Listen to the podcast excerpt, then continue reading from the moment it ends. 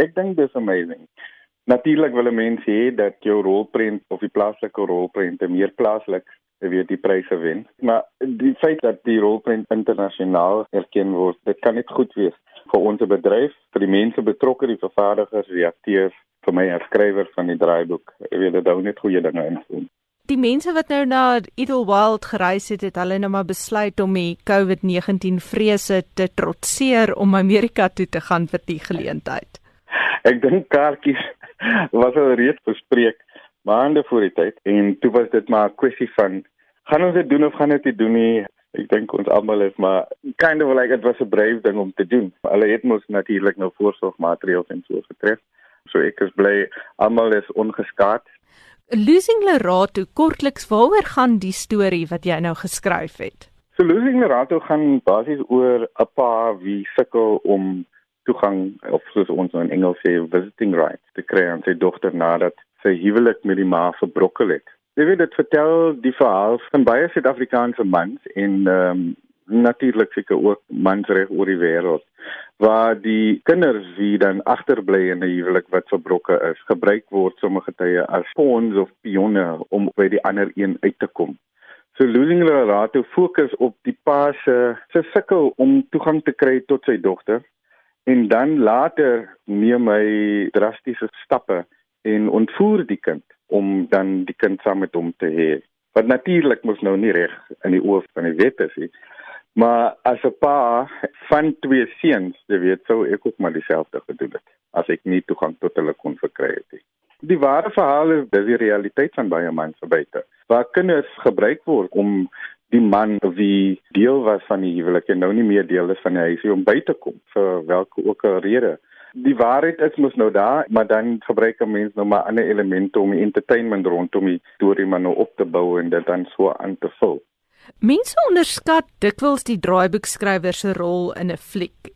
Watter unieke bydrae het jy tot hierdie rolprent gelewer? Kagiso Modupe het my gevra seker die 4 jaar gelede om die rolprent te skryf. En op daai tydstip het ek self deur 'n egskeiding gegaan. Ek het alles verloor en Glo dit of nie, tydens die skryf van Losing Lerato was ek eintlik op straat gewees en ek het die teks op 'n geleende laptop geskryf. So ek dink die bydrae wat ek gebring het tot die teks is my uitstudeersettings vir mooi deur moeilike tye, deur onsekerheid en dan ook op 'n ernstige noot, jy weet die authenticity van 'n pa, wie weet wat dit is om nie altyd toegang te hê tot jou kinders nie. 'n pa wie weet dat die verbrokkeling van 'n huishouding of huwelik sommige tye casualties het en die casualties is gewoonlik die kinders. So ek dink ek was daai tyd en miskien nog steeds in 'n goeie posisie om om so 'n storie te vertel van wie my my experience. Ricardo, die rolprent is reeds verlede jaar by die plaaslike loket vrygestel. Hoe het dit toe gevaar? Weet dit het baie goed gevaar. Op die openingsnaweek het dit byna 'n miljoen rand ingebring by die deure of by die loket. En oor die die lifespan van die rand in theater het dit ietsie oor die 4 miljoen, ek dink amper hier by die 5 miljoen gedraai. So dit het baie goed gedoen. Ek weet daar's baie mense wie nie geweet het van die rolprent nie. Baie van my vriende wie deesdae op Facebook sien die bemarking rondom of die hele teorie rondom losing Lerato het nie geweet dat ek hom geskryf het nie. So dis nog al 'n bietjie snaaks, maar dit het baie goed gedoen. Ja, dit wys net weer eens dat as jy kyk aan die produk self, jy weet daar was nie baie geld ingestoot nie want daar was nie baie geld nie. Die vervaardiger het die rolprent uit sy eie sak uit gemaak Hy het baie gunsies hier en daar gevra van mense in die industrie. Die rolprent self was in 'n baie kort tyd geskied omdat daar nie geld was nie.